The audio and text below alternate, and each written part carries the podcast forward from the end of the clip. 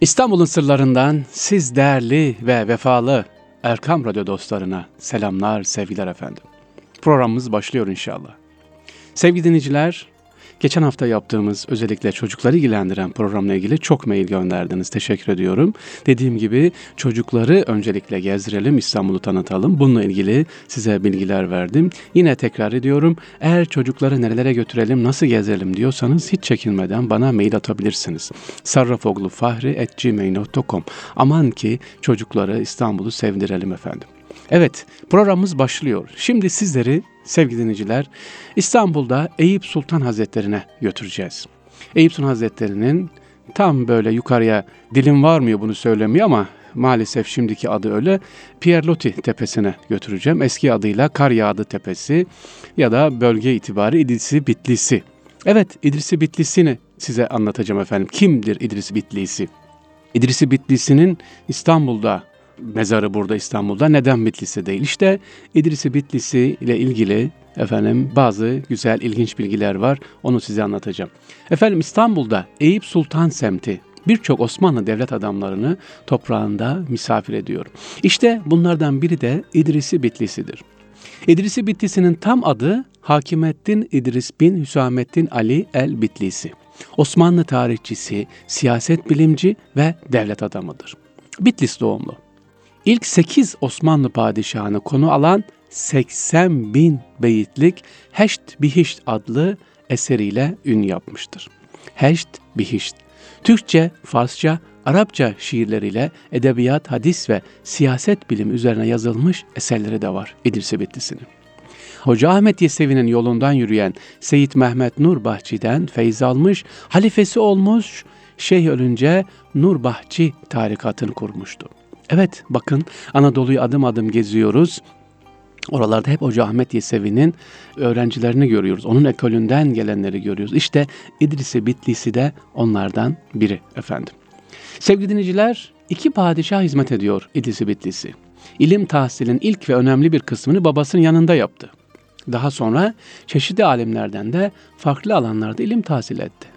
Önce Akkoyun hükümdar Uzun Hasan'ın yanında nişancılık yaptı. Daha sonra 1490 senesine kadar Uzun Hasan'ın oğlu Yakup Bey'in yanında bulundu.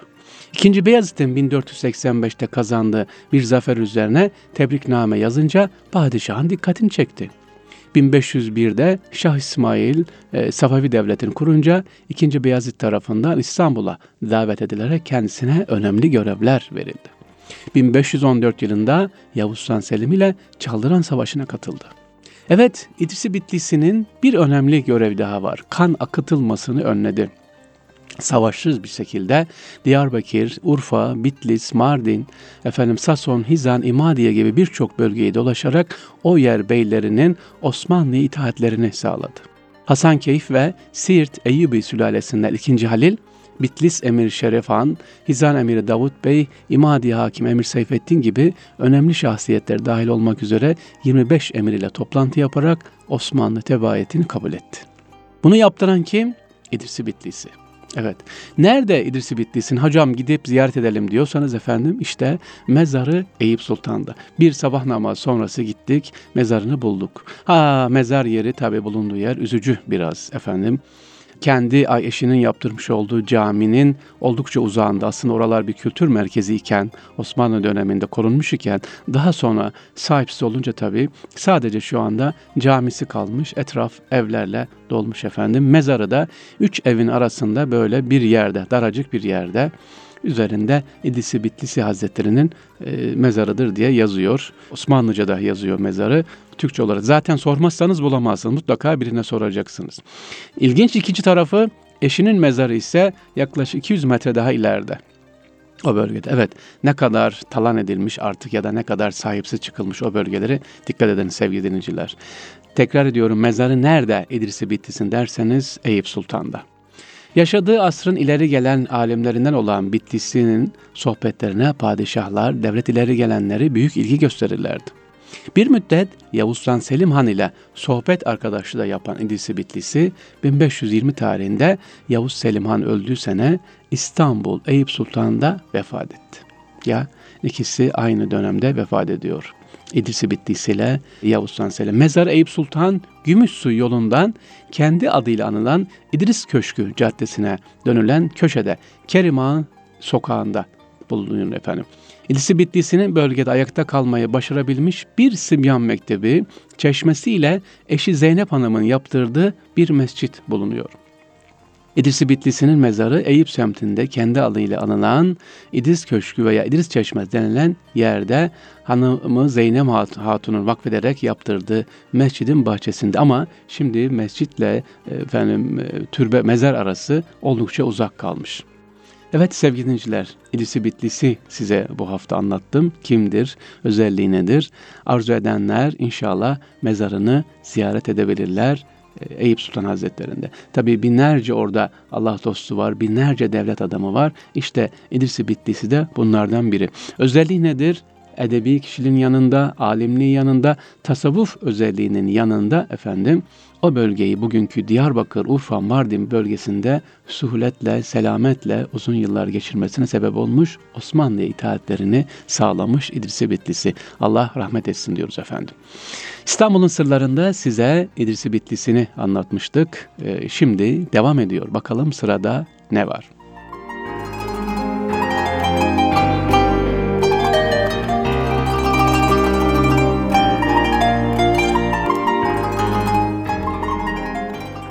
Sevgili dinleyiciler, İstanbul'da hep eskiden ne derler efendim? Aman ahirette iman, dünyada mekan derler değil mi? Yani iman mekan, bir ev. Hatta ne diye derler? Şöyle başımı sokacak kadar bir ev olsun. Ya da Allah'ım kiradan kurtar diye dua ederler. E peki bunu insanlar eder de mahlukat etmez mi? İstanbul'da uçan kuşların da mekanı olduğunu biliyor muydunuz? Onların da başını sokacak bir evleri. E hocam kuşlar zaten yuva yapar. Yuva yapan dişi kuş demişiz. Evet ama Osmanlı döneminde yuvayı yapan insanlar, vakıflar yapıyor efendim. Bugün birçok İstanbul'daki camide, evlerde, kütüphanelerde, mekteplerin duvarlarına baktığımız zaman ne görürsünüz sevgili dinleyiciler? Kuş evleri görürsünüz. Ya demek ki yuvayı dişi kuş yapmıyor, insan yapıyormuş. Peki şimdi e, hayvan bilimcileri, zoologcular efendim diyecekler ki efendim hazır yuva yaptığınız zaman kuşlara bir kuş bir yuva yapabilmesi için günde bin sefer kanat çırpması gerekiyor. Ama siz bir kuş yuvası yaparak ne yapıyorsunuz?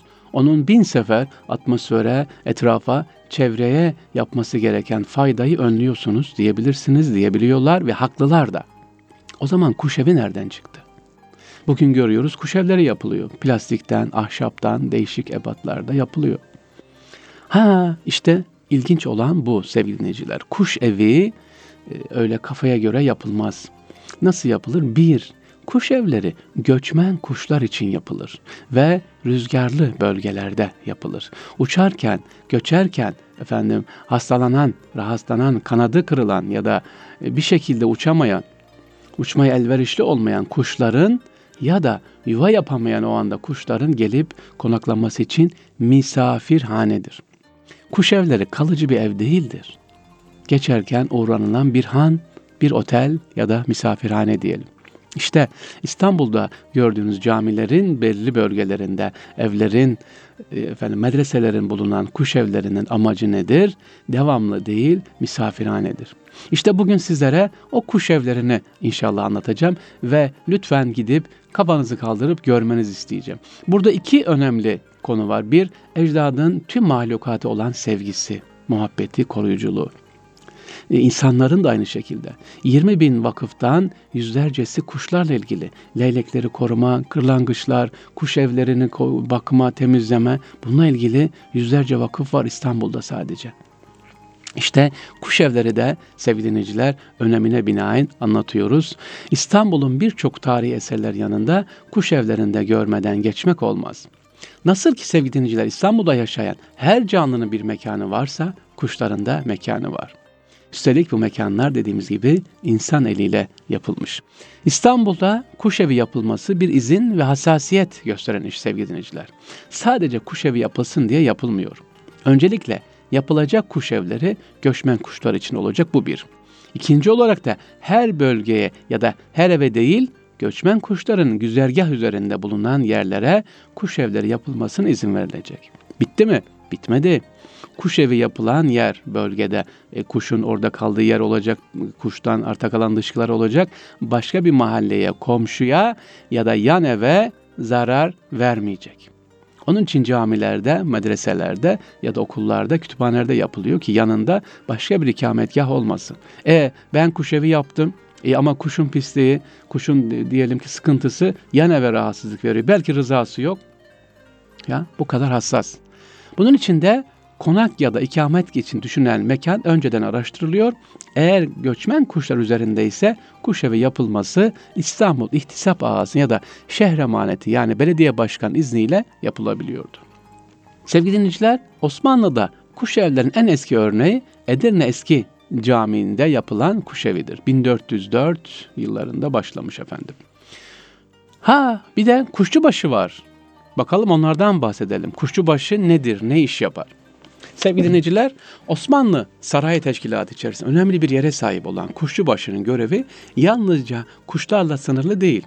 Padişahın orman ve korularının güvenliği de onun sorumluluğu altında. Sahili çirkinleştirecek binalar asla izin vermiyor kuşçubaşı, ona da bakıyor. Binaları denetliyor. Çatı aralarında kırlangıçlar, boş tavanlar, örümcekler varsa onların temizliğine, ve nasıl temizleneceğine de dikkat ediyor kuşçubaşı. Burada bir küçük ayrıntıya dikkat çekmek istiyorum. Eğer örümcek alınacak olursa, bakın örümceği temizlemenin saati var sevgili dinleyiciler. Şayet örümcekler alınacak olursa öğleden evvel alınmalarına dikkat edilir. Öğleden sonra başka yerlerde yuva yapabilsinler diye. Ya kafanıza göre gidip ay örümcek yuvası, örümcek ağı hemen temizleyeyim yok. Öğleden önce temizle, sabah temizle. Temizliğin saati sabah. Sonra öğleden sonra yapma diyor. Bulamaz belki açıkta kalır. Cana zarar verme. Hele hele kuş yuvalarına e, kuşçu başı hiç değdirmez, tedgin edilmezdi. Yuva bozanın günahı büyüktü efendim. Yuva yumurta da varsa ile yuvada Allah korusun çok hassas olur, çok dikkat edilirdi. Bugün İstanbul'da görüyorum balkonlara geliyor bazı kumrular, güvercinler, hatta martılar da geliyor efendim. Geliyor e, balkonlarda sığınacak yer yok. Her taraf ev olmuş. Bir size misafir oluyor. Görüyorum sosyal medyada paylaşıyorlar. Kuş yavruları var. Sahip çıkıyorlar. Teşekkürler. E, bazen de martılar geliyor. Yavruları kaçırıyor. Bu da var. E, bu da işte insanımızın merhameti nasıl dikkatli ol. Hatta ağlayanı bilirim. Kumru yuva yaptı ama yavrusunu göremedi. Gelmiyor kaç gündür yok. Yavru annesiz kaldı diye. İstanbul'umuzun insanları elhamdülillah genlerimizde bu merhamet var. Allah daim etsin inşallah. E, neden kuşevi dedik? Efendim neden kuşevi? Çünkü ayet-i kerime Nur suresi 41. ayet-i kerime zaten tüm kuşevlerin vakfiyesine bu ayet-i kerime yazılıdır öncelikle. Bir, ne diyor ayet-i kerime? Göklerde ve yeryüzünde bulunan kimselerle sıra sıra kanat çırparak uçan kuşların Allah'ın tesbih ettiğini görmez misin? Her biri duasını ve tesbihini kesin olarak bilmektedir. Allah onların yapmakta oldukları şeyleri hakkıyla bilendir. Evet, bu ayetten esinlenerek vakıf geleneğinin temeli atılıyor sevgili dinleyiciler. Kuş evler aynı zamanda bir vakıf olarak ayrıca koruma altına alınmış. Evlerin temizlik, bakım ve onarımı da yine bu vakıflar eliyle yapılıyor değerli dinleyiciler. İstanbul'da bulunan kuş evleri hadi artık bakalım hocam gidelim. Nerede ilk önce efendim? Bazıları şunlar efendim. Fatih bölgesinde çoğunlukla var, Üsküdar'da var. Bir, Perşembe pazarında, hanların dış duvarlarında. Gerçi büyük bir kısmı dökülüyor ama e, Fincancılar yokuşunda büyük Yeni Valide Han ve çevresi, Sandalyacılar sokağı, kuş evleriyle süslü bir yol burası. Laleli Camii çevresinde efendim e, çeşitli kuş evleri var. Özellikle barak tarzı dediğimiz en güzel kuş evlerini Laleli Camii çevresinde görebilirsiniz. Eski balık pazarı Tuz pazarı, yemiş iskelesi, Tahmis'te de kuş evlerinin çeşitli biçimlerine rastlanır. E, Bizans ve Hristiyan eserlerde kuş evleri bulunmuyor sevgili dinleyiciler. Fener'e giden Balat yolu üzerinde bulunan Turisina Kilisesi'nde ya da manastırında kuş evi var. Ama e, arı petekli şeklinde kuş evi var. Bunlar efendim Osmanlı döneminde yapılmış kuş evleridir. Yoksa Hristiyan eserlerde kuş evi göremezsiniz. İstanbul'un klasik mimari eserler arasında Bali Paşa Camii ki 2. Sultan Beyazıt'ın kızı Hüma Hatun eşi Bali Paşa tarafından yapılmıştır. İstanbul'un en eski ve ayakta duran kuş evlerinden ikisi burada bulunuyor. Bali Paşa'da. Fatih Bali Paşa'da. Akşemseddin Mahallesi. Yine Defterdar'da yani Eyüp Sultan'a giderken Zaloğlu Mahmut Paşa Camii bitişiğinde Kanuni'nin kızına ait Mirşah Sebili ve mektep üzerinde görülen üzeri sonradan çinko ile örtülmüş kuş evi de e, çok güzel bir kuş evine efendim sahip burası. Bunu da görebilirsiniz. Aa, İstanbul'da bulunan padişah camilerinde yok mu kuş evleri? Var. Yeni caminin harem kısmında dış yüzünde kuş evini görebiliyorsunuz. Eyüp Sultan Camii tabii ki var. İstanbul fethinden sonra yapılan ilk cami fakat ilk haliyle tabii kalmıyor. Daha sonra büyütülüyor. Minare sayısı artılıyor. Burada da caminin duvarlarında kuş evleri görebilirsiniz. Üsküdar, Yeni Valide, Ayazma ve Selimiye camileri duvarlarında da sevgili dinleyiciler kuş evleri görülmeye değer. Yani kuş evi yapılsın diye yapılmıyor. Bir sanat eseri. Farklı sanat eseri. Efendim İstanbul'da bahsedilecek Kuşev uygulaması Topkapı Sarayı 1. avlu içindeki Osmanlı dönemine ait Darphane Amire binasının iç avlu cephesinde yer alıyor. Bir şato görünümünde e, Kuşevi. Ne kadar ince detay yapılmış. Peki yolu Fatih'e düşenler ya da veznecilere düşenler, işte İstanbul, şu anda İstanbul Üniversitesi'nde okuyanlar, Vezneciler Kampüsü'nde okuyan gençler özellikle sesleniyorum. O bölgede oturanlar, iş adamları e, sabah giderken kafanızı kaldırıp görebileceğiniz harika bir kuşevi var. Bu gördüğünüz kuşevi sanki Ayasofya'nın küçültülmüş bir hali. Evet, Ayasofya'nın önden küçültülmüş bir haliyle yapılmış e, kuşevi. Nerede? Fatih Verzenciler'de Kimyager Derviş Sokağı'nda, Hasanpaşa Medresesi'nin duvarında. Görülmeye değer muhteşem bir kuş evi sevgili dinleyiciler.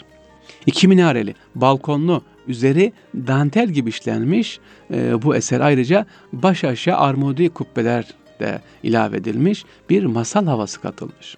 Dışarıdan bakanlar Ayasofya Camii'ne benzetiyorlar. Kuş evlerinin sevgili dinleyiciler daha çok Lale devrinde e, yapıldığı da hızla arttığı da e, bilinen bir gerçek. Şimdi kuş evi yapılırken dediğimiz gibi kafamıza göre yapmıyorduk. Özellikle cephe seçiminin öncelikle güneş ışığının daha çok alması için mihrap e, cephesi diyoruz. Güney cephesi tercih ediliyor. Aa, peki hocam güzel kuş evleri var. Yaptık. Evler kuşlar kalıyor orada yatıp kalıyorlar. Kuş sebili var mı? Kuş sebili yani kuşların su içecek için özel yerler var mı? Var kuş sebilleri. İstanbul'da sadece kuş evleri değil sevgili dinleyiciler. Yine kuşlar düşünerek yapılmış kuş sebilleri de var. Sümbül Efendi Camii avlusunda yer alan kuş sebili. Tepesine yerleştirilmiş bir, bir buçuk metre yüksekliğindeki sütun ile mimari ve ergonomik açıdan en güzel örnekler arasında. Yine Eyüp Sultan'daki Süleyman Subaşı Mescidi, diğer adı da Münzevi Camii'nin caddeye bakan bahçe duvar üzerindeki ki bugün ne yazık suyu akmıyor maalesef. Bu çeşme ilginç bir kusse bile sevgili dinleyiciler. Başka nerede var böyle yolumuzun üzerinde hemen görebileceğimiz kussebili? Şimdi Mimar Sinan'ı e, ne kadar takdir etsek az sevgili dinleyiciler. Şehzadebaşı Camii'ni biliyorsunuz. Şehzadebaşı Camii girişinde uzun bir sütun var. Böyle sanki anıt gibi duruyor caminin önünde. Nedir diye baktığınız zaman bu aslında bir su terazisi.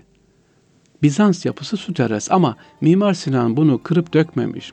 Osmanlı mimarisiyle e, tespit etmiş, tenyiz etmiş, temizlemiş efendim.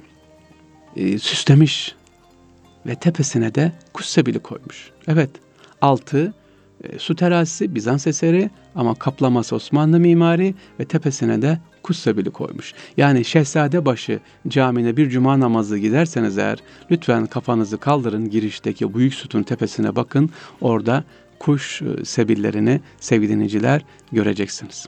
Evet değerli dinleyiciler bugün programımızda İdrisi Bittisi Hazretlerini anlattık. Kuş sebillerini sizlere anlattık. Başka efendim sohbetimizde inşallah İstanbul sırları ilgili çok ilginç olaylar, detaylar var. Bunları size aktaracağız. Dediğim gibi bakın bahar geldi. Nisan ayındayız. Neyi seyrediyoruz? İstanbul'un laleleri. Ve haftaya artık başlar Erguvanlar da inşallah hava sıcaklık böyle giderse Erguvanları da görebiliriz. İstanbul'un süsü, güzelliği. Ne demişti padişah 1. Mahmut efendim Ah dedi İstanbul'u iki şeye doyamadım. Bir tanesi nedir? Efendim İstanbul'un mehtabı. Mehtabı seyretmeye. Çok severmiş kendisi ve erguvan ağaçlarının böyle bahardan başlayıp açılmasını. İnşallah İstanbullular, sevgili İstanbul severler, Anadolu İstanbul'dan gelen kardeşler İstanbul'un lalelerini kopartmadan seyredelim, güzelliğini, kokusunu içimizde yaşayatalım, hissedelim. Bir yıl bize gitsin, delsin inşallah. Evet, İstanbul'un sırlarındayız sevgili dinleyiciler. Devam ediyoruz. Bakalım bohçamızda neler var İstanbul'la ilgili.